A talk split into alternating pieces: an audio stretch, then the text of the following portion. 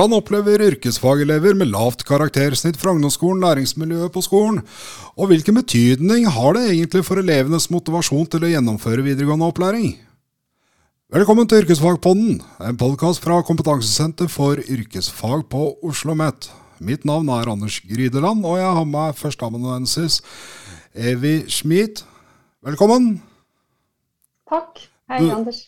Du jobber eh, på Institutt for yrkesfaglæringa her på Oslo OsloMet, og du har eh, undersøkt eh, det innledende spørsmålet hvordan yrkesfagelever med lavt karaktersnitt opplever læringsmiljøet på skolen. Ja, det stemmer. Det er, denne studien er del av et prosjekt hvor vi følger en gruppe yrkesfagelever med lavt karaktersnitt fra ungdomsskolen gjennom videregående opplæring. Og i dette prosjektet ønsker vi å finne ut hva som gjør at elever med lavt faglig utgangspunkt etter ungdomsskolen klarer seg gjennom videregående opplæring, og hva elevene selv mener skal til for at de vil kunne fullføre hele utdanningen. Hva, hva slags skoler riktig sa elevene på? Eh, det er eh, tre videregående skoler på østkanten av Oslo, som alle har en høy andel minoritetselever, eller en svært høy andel minoritetselever.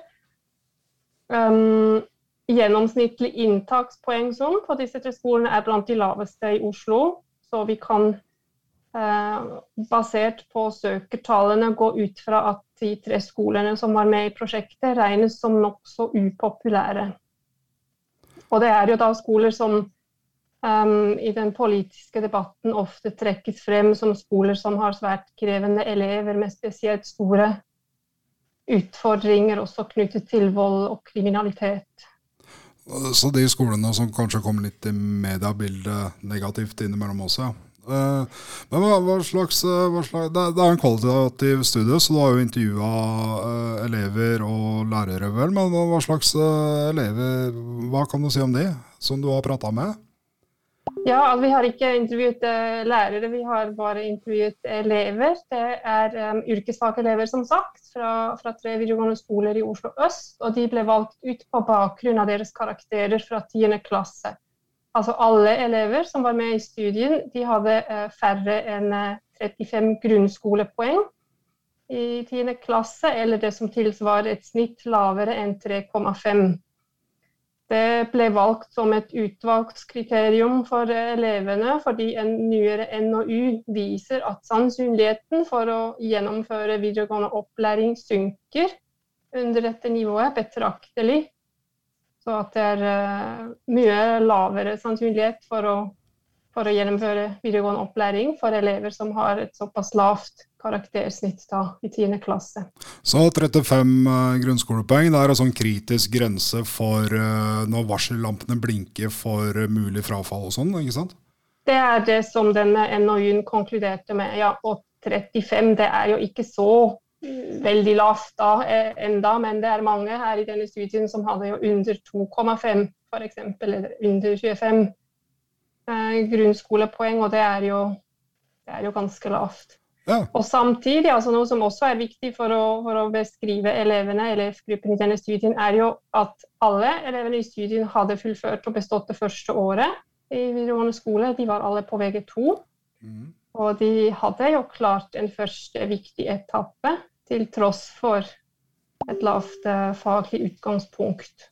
Og så er det også viktig å nevne at uh, alle kom fra familier med lav sosioøkonomisk bakgrunn, og, og, et flertall da hadde også innvandrerbakgrunn. Altså de fleste var født i Norge, men eh, et flertall hadde innvandrerbakgrunn fra land i Afrika og Asia, de fleste. Ja, eh, Hvordan var skoleerfaringene deres eh, før de begynte på videregående? Du sa de noe om det?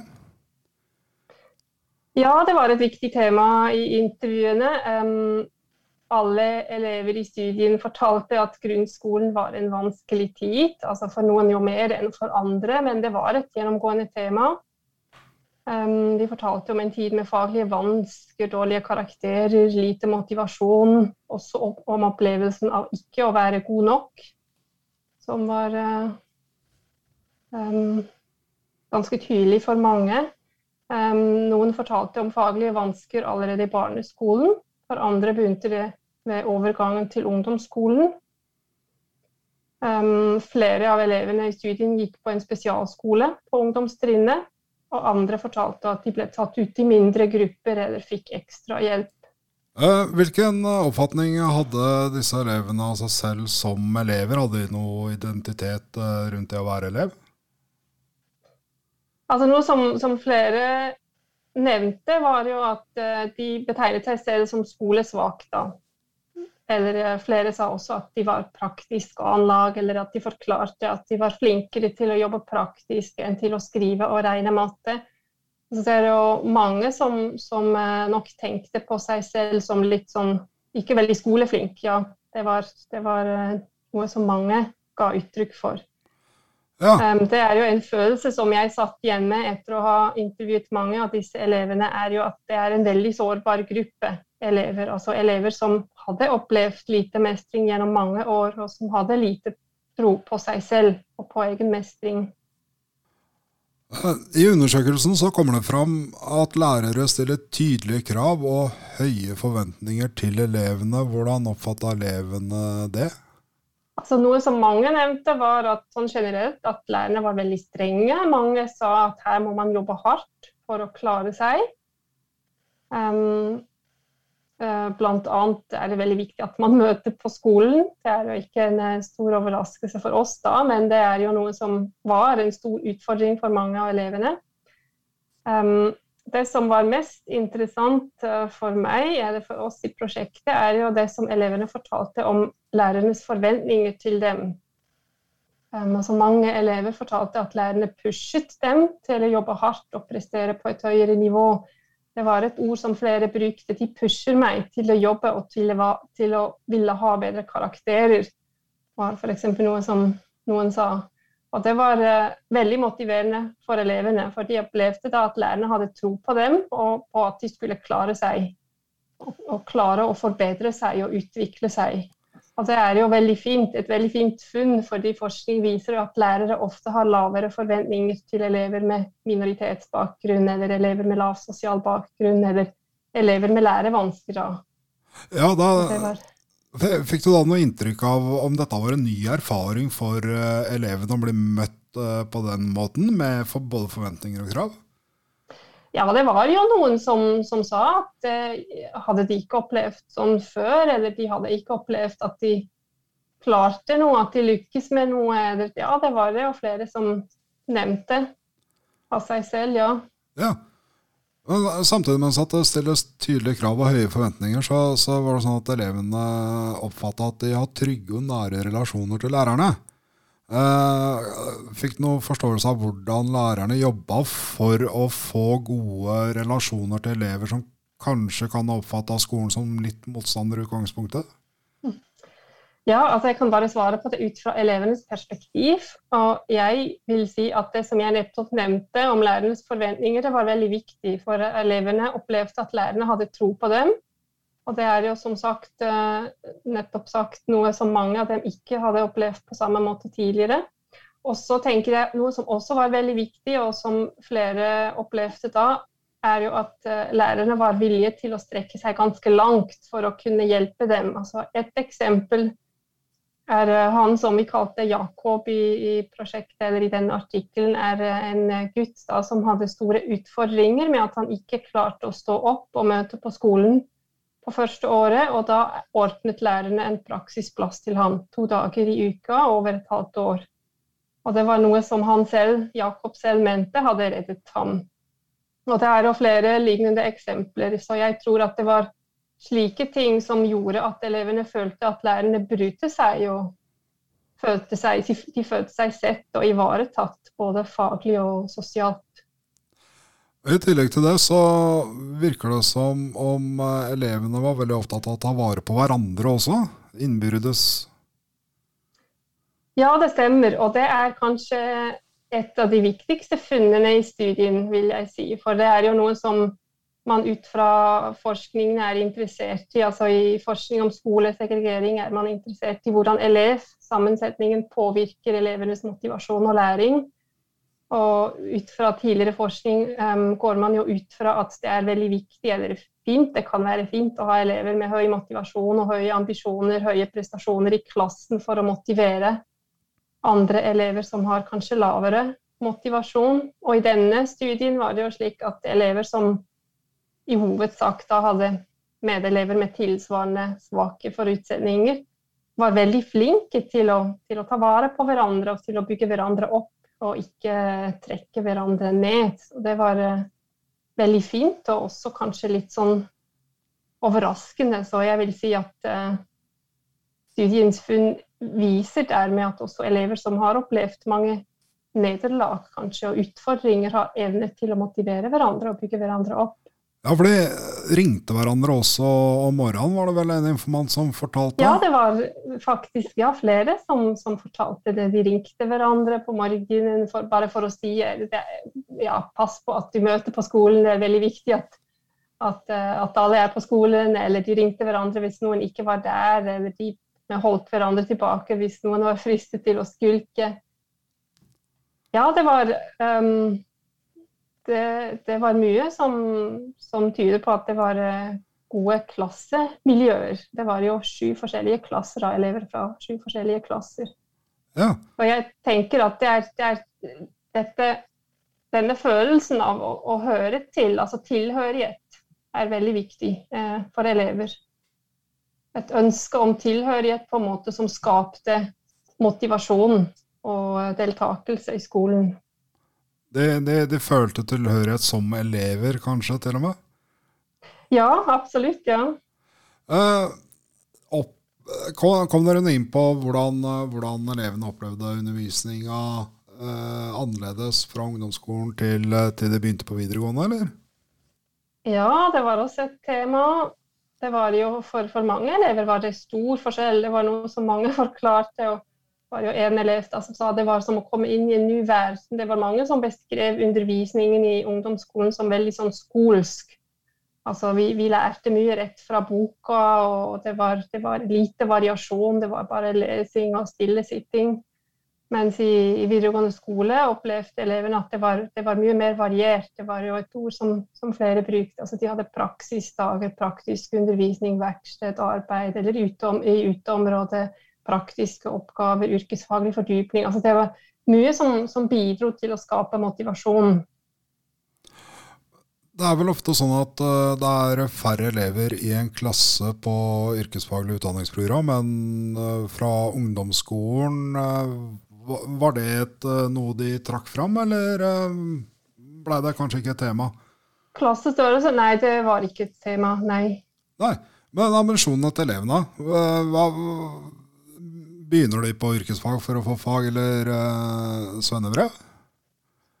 Ja, de fleste hadde dette som mål, i hvert fall da vi intervjuet dem på VG2. Det var jo noen som vurderte å ta påbygg til eh, generell studiekompetanse. Det var først og fremst noen elever på helsearbeiderfaget som ønsket å bli sykepleier, og som da vurderte å ta påbygg. Um, og så var det jo litt sånn forskjellig. altså Noen, uh, noen sa at de ønsket å, å bli f.eks. bilmekaniker, konditor. Eh, noen ønsket å åpne egen bedrift. Um, noen snakket om å ta bachelorutdanning. Det var en elev som jeg var spesielt uh, imponert over, da, som sa at han vurderte å bli yrkesfaglærer. Akkurat som kontaktlæreren, sa han. Han sa at han ønsket å hjelpe andre elever som er litt i samme situasjon som han. Det er, en veldig fin historie. Ja, det er det. Og, det, og, det, og det, det, viser jo at det ikke er mangel på ambisjoner når de ser Nei, for seg absolutt. en vei videre. Ja. Absolutt. Altså, de, de eh, hadde jo ambisjoner etter hvert. Altså, det var jo noe som mange sa. Altså, man, når man blir flinkere, har man lyst til å bli enda flinkere og til å jobbe videre. Ja. Så det, det skaper jo motivasjon når man opplever mestring. En, en av elevene i studien uh, fortalte at uh, karakterene i ungdomsskolen var veldig svake. Nå på videregående så hadde han fått en sekser. Uh, sier det noe om, om kravene til å oppnå gode karakterer på yrkesfag? Det er jo ingenting som tyder på det. da. Altså, det som vi fant i denne studien, er jo at mange elevene de hadde opplevd en skikkelig opptur etter å ha fått jobbe med noe som de var interessert i, og som de opplevde mestring med.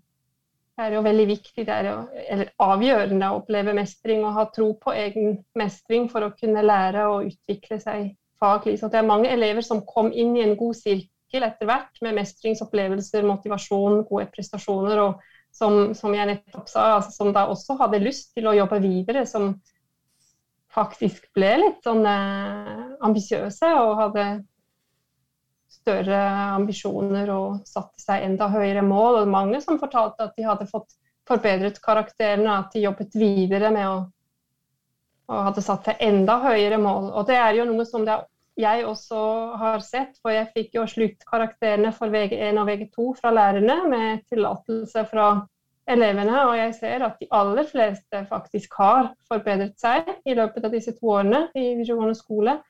Og flere av dem har faktisk forbedret seg ganske mye. Så spørsmålet er kanskje heller hva som er galt med skolesystemet når mange elever ikke får utnyttet sitt læringspotensial. Det er et godt spørsmål. Det kom jo en del positive funn i studien din. Eh, hvordan kan vi, kan vi bruke den videre til å skape en bedre skole? Ja, jeg vil si at Funnene fra denne studien kan lære oss hva som er viktig for elever med lavt faglig utgangspunkt etter ungdomsskolen, og kanskje lav motivasjon. Hva som er viktig for denne gruppen elever for at de kan trives på skolen, utvikle seg faglig og oppleve gode og trygge relasjoner. Elevene i studien viste oss hva som fungerte for dem, og hva som var viktig for dem. Og så håper jeg også at funn fra denne studien kan bidra til et mer, litt mer nyansert bilde av flerkulturelle skoler eh, med lave inntakskrav. Det er jo mange lærere og miljøarbeidere som gjør en fantastisk jobb, og dette snakkes det veldig lite om. Ja, så trekke fram de, de gode eksemplene også. Absolutt, ja. Også snakke om uh, suksesshistorier, ikke bare om motsatte, da. Ja. Uh, hvordan ser du for deg videre Er dette noe du kommer til å fortsette å, å forske på og undersøke videre? Ja, vi skal nå intervjue elevene på nytt nå på høsten. Eh, nå er de jo i lære. Vi skulle egentlig, altså Planen var egentlig å intervjue dem nå eh, i vår, men det har vi nå utsatt pga. pandemien. Så eh, nå skal vi gjøre det på høsten. Alle har gitt tillatelse til at vi får ta kontakt igjen med dem. Um, så vi er veldig spent hvordan det går med dem, og om de er i lære, og hvordan de opplever det. Hvordan de opplever forskjellen fra videregående skole til læretiden. Ja, det blir moro å følge med på. Um, er, det, er, det, noen punkter uh, som vi ikke har vært igjennom, som jeg strengt tatt burde ha fått med meg da jeg leste artikkelen din, uh, Evy? Jeg tenker nok vi har vært gjennom det meste. Mye av det som er viktig, i hvert fall. Men det er uh, mange flere funn, absolutt. Så det lønner seg å lese hele artikkelen. Ja, men det er bra. Eh, og for de som vil lese hele artikkelen, så legger vi selvfølgelig en lenke til artikkelen i episodebeskrivelsen her. sånn. Tusen takk for at du kom, førsteamanuensis eh, Evy Schmid, og delte funnene dine fra alle sammen støtter hverandre og hjelper hverandre hvis vi trenger motivasjon. Et elevperspektiv på læring og relasjon i flerkulturelle videregående skoler med lave inntakskrav, som er publisert i Nordisk tidsskrift for ungdomsforskning. Dersom noen ønsker å diskutere denne episoden, eller følge med på Yrkesfagpoddens Gjøren og Laden, så finner dere oss på Facebook.